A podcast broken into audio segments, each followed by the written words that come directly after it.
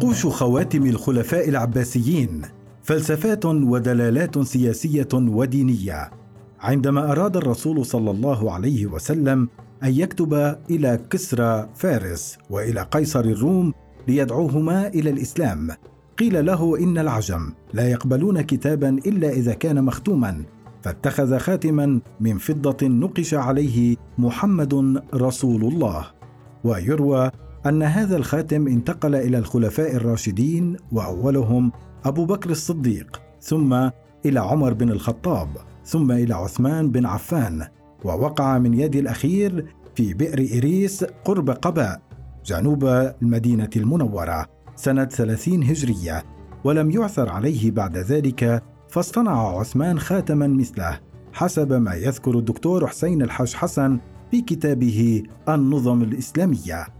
ولم يحل انتقال الخاتم النبوي إلى الخلفاء الثلاثة دون اتخاذهم خواتم خاصة بهم نقشوا عليها المعاني الموجزة العامرة بالإيمان والثقة والحكمة بما يتواءم مع ظروف عصرهم. يذكر الدكتور علي حسين الخربوطلي في كتابه الإسلام والخلافة أن نقش خاتم أبي بكر الصديق كان نعم القادر الله وخاتم عمر كفى بالموت واعظا يا عمر. وخاتم عثمان بن عفان لتصبرن أو لتندمن وخاتم علي بن أبي طالب من بعدهم الملك لله. وعلى مدار فترات التاريخ الإسلامي المتعاقبة واقتداء بالرسول محمد صلى الله عليه وسلم اتخذ الخلفاء والسلاطين خواتم لأغراض رسمية وغير رسمية ونقشوا عليها عبارات تعكس أفكارهم ورؤاهم وفلسفتهم في الحياة. الأمويون معان دينية على منوال خاتم النبي وخواتم خلفائه الراشدين نسجت كتابات خواتم خلفاء بني أمية فكانت لكل واحد منهم عبارة معينة اختصت بنقشها على خاتمه لأن لها في حياته أو في فكره معنى دينيا يريد إعلامه للملء من أمته. يذكر عاصم محمد رزق في كتابه رايات الإسلام من اللواء النبوي الأبيض إلى العلم العثماني الأحمر أن الخليفة الأموي كان يحضر إلى المسجد مرتديا عمامة بيضاء مرصعة بالجواهر ثم يرتقي المنبر لإلقاء خطبة الجمعة وبيده الخاتم والعصا وهما شارتا الملك. وينقل رزق عن كتابه التنبيه والإشراف لأبي الحسن علي المسعودي أن نقش خاتم معاوية بن أبي سفيان كان لا قوة إلا بالله ونقش خاتم مروان بن الحكم كان العزة لله وخاتم الوليد بن عبد الملك نقش بيا وليد إنك ميت وخاتم عمر بن عبد العزيز كتب عليه لكل عمل ثواب أما نقش خاتم هشام بن عبد الملك فحمل كلمتي الحكم للحكيم. والمعروف أن معاوية بن أبي سفيان كان أول من جعل للخاتم ديوانا مهما في دواوين خلافته وهو ديوان أنشئ لمنع الغش والتزوير والتلاعب بمضمون مراسلات الخليفة وبهدف خروج المراسلات من دون أن يعلم أحد بما تحتويه من أسرار إلا الخليفة وظل معمولا به حتى أوساط عهد الدولة العباسية. وحسب رزق كان الخاتم من أهم رموز الخلافة الأموية في الأندلس وكان يحمل في نقشه اسم العاهل أو الأمير مصحوبا بعبارة يختارها من اثنتين هما بقضاء الله راض وبالله يثق به يعتصم.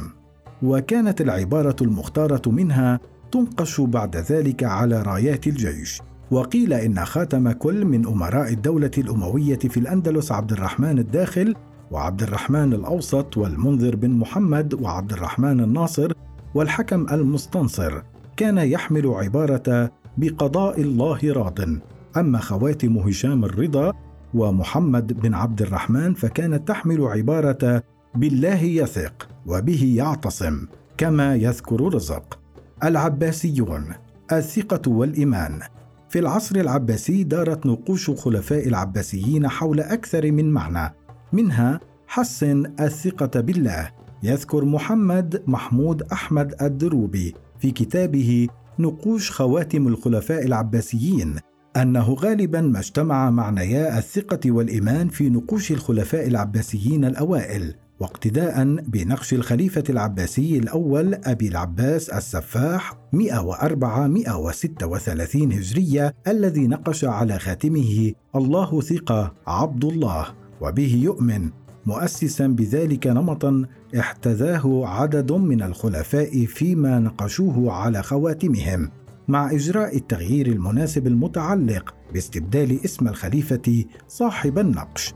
تجلى ذلك بوضوح في نقش الخليفة العباسي الثاني عبد الله الثاني بن محمد المنصوري وصورته الله ثقة عبد الله وبه يؤمن ونقش محمد بن عبد الله المهدي وصورته الله ثقة محمد وبه يؤمن. ونقش أبي محمد موسى الهادي وصورته الله ثقة موسى وبه يؤمن. ونقش عبد الله المأمون وصورته الله ثقة عبد الله وبه يؤمن.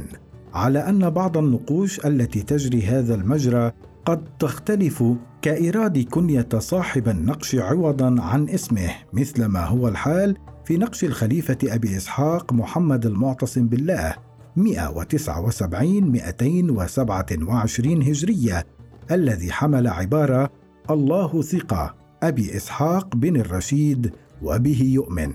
وظل تأكيد حسن الثقة بالله والإيمان به أهم المعاني التي دارت حولها نقوش خواتم خلفاء بني العباس طوال العصر العباسي الأول. وحتى انصرام خلافة المتوكل بيد أن هذا المعنى الأثير بدا يتضاءل تضاؤلا بينا في نقوشهم بين منتصف القرن الثالث ومنتصف القرن الرابع للهجرة إذ حملت معاني جديدة لكن ذلك لم يحل دون ظهور.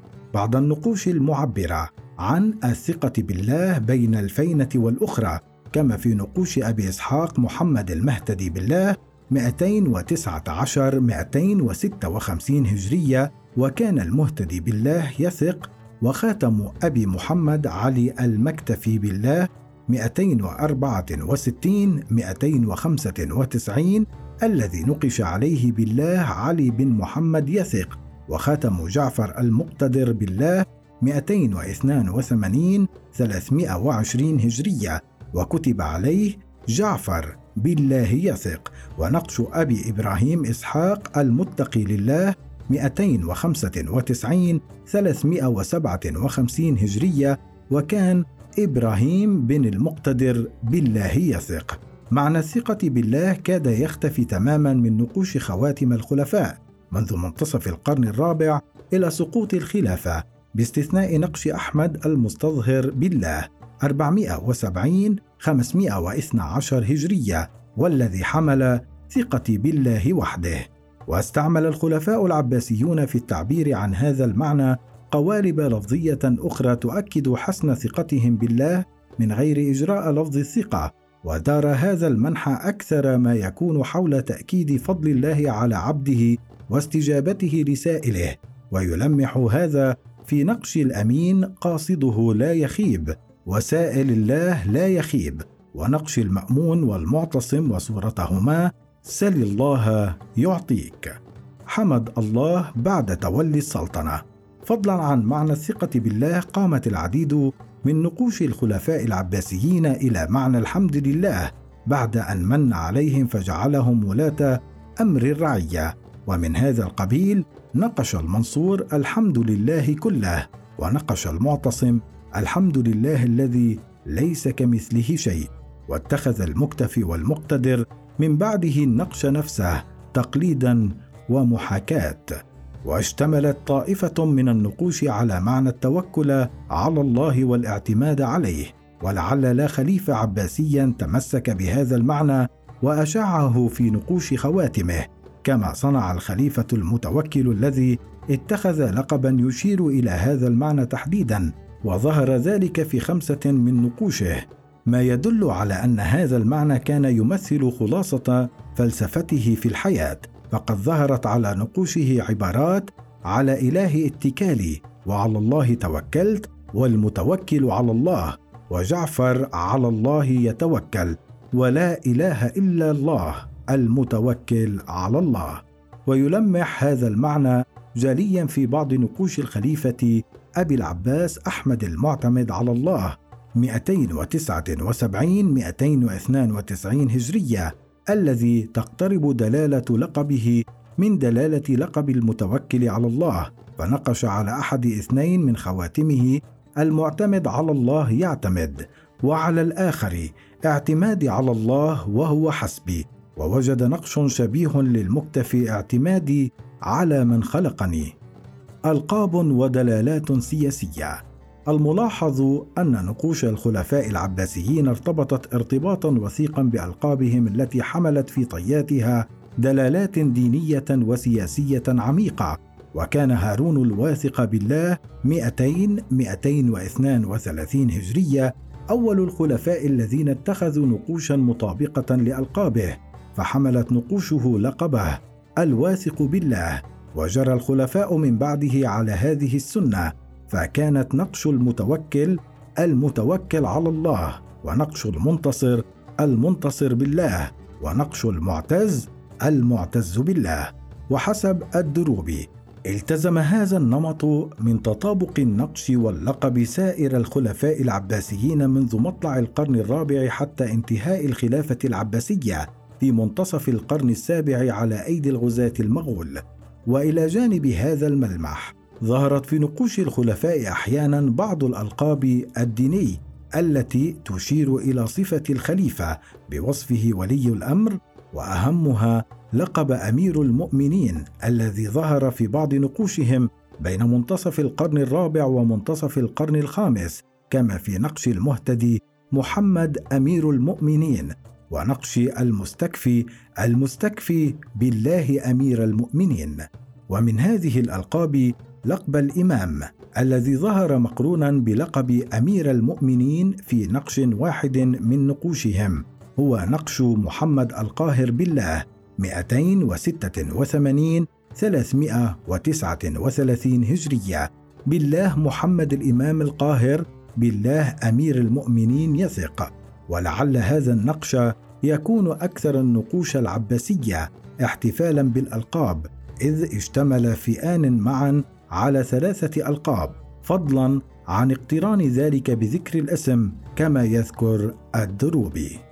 فكرة الولاية. منذ منتصف القرن الثالث ظهر في نقوش الخلفاء معنى جديد تردد في عدد من نقوشهم وهو فكرة الولاية ويستوي هذا المعنى على إقرار صاحب النقش بولايته لله كما في نقش الخليفتين محمد المعتز بالله 232 255 هجرية والمعتمد على الله وصورتهما الله ولي. وقد تتعدى حدود الولاية في بعض النقوش إلى النبي كما هو الحال في نقش محمد المنتصر بالله 222 248 أنا من آل محمد. الله وليي ومحمد. وقد تتسع دوائر الولاية في بعض النقوش إلى المؤمنين الذين هم أولياء الرحمن. فقد جاء أحد نقوش المقتدر على هذه الصورة. الله ولي المؤمنين. حماة الدين. ويلاحظ أن نحو نصف الخلفاء العباسيين نقشوا على خواتمهم عبارة الشهادة كونها أحد مبادئ الإسلام وشعاراته الشهيرة. ويبدو أن الخلفاء كانوا يتوارثون أو يتناقلون نقش هذا الشعار بوصفهم خلفاء الإسلام وحماة الدين المدافعين عن المسلمين وهم يمثلون السلطة الدينية التي يجب أن تتحلى نقوشها وشاراتها بسمة الإسلام. وعظ النفس. وجرت نقوش كثيرة للخلفاء العباسيين مجرى يقوم على وعظ النفس وتخويفها بالله ودعوتها إلى تقواه وتحذيرها من سوء العاقبة ويقوم هذا المنحى على مخاطبة الذات. فنرى المنصور يخاطب في نقش أحد خواتمه نفسه قائلا اتق الله فإنك ترد فتعلم. ونرى هارون الرشيد 149 193 هجرية يقارب هذا المعنى داعيا نفسه إلى الحذر من الله وعدم التراخي. كما في نقشه كن مع الله على حذر. ونظيره نقش الخليفة محمد المقتفي لأمر الله 489 555 هجرية وجاء عليه كن مع الله على حذر تسلم والمهتدي يخوف نفسه ويرهبها بيا محمد خف الله. وفي بعض الأحيان كان قوام الوعظ بذكر حقيقة الموت كما على نقش الخليفة المأمون الموت حق. عمق التجربة. نقوش كثيرة للخلفاء العباسيين تلبست جانبا من الحكمة على أن هذا المنحى لم يظهر في نقوشهم إلا بعد القرن الثالث أي في العصر العباسي الثاني. كما في نقش المنتصر بالله يؤتى الحذر من مأمنه. وهو مثل عربي يدعو المرء إلى وجوب الحذر وأعمال اليقظة لا سيما في المواطن التي يعدها المرء آمنة فيظهر التهاون بشأنها فيؤخذ على حين غرة. ومن النقوش العباسية التي تحمل الحكمة نقش الخليفة أحمد المستعين بالله 220 252 هجرية في الاعتبار غنى عن الاختبار. ومعناه أن يعتبر المرء من تجربة غيره. أفضل له من أن يخوض غمار تلك التجربة بنفسه أي أن يستفيد من أخطاء الآخرين ويتجنبها وهذا المعنى يلتئم مع معنى نقش المعتمد السعيد من وعظ بغيره وهي حكمة عربية. وهناك نقش بارز آخر ظهر على خاتم محمد الظاهر بأمر الله 571 623 هجرية راقب العواقب. ومعناه أن المرء العاقل يستشعر عواقب الأشياء قبل أن يتلبس بها أي أنه يعرف ما سيؤول إليه كل أمر يقدم عليه فيعد عدته الممكنة.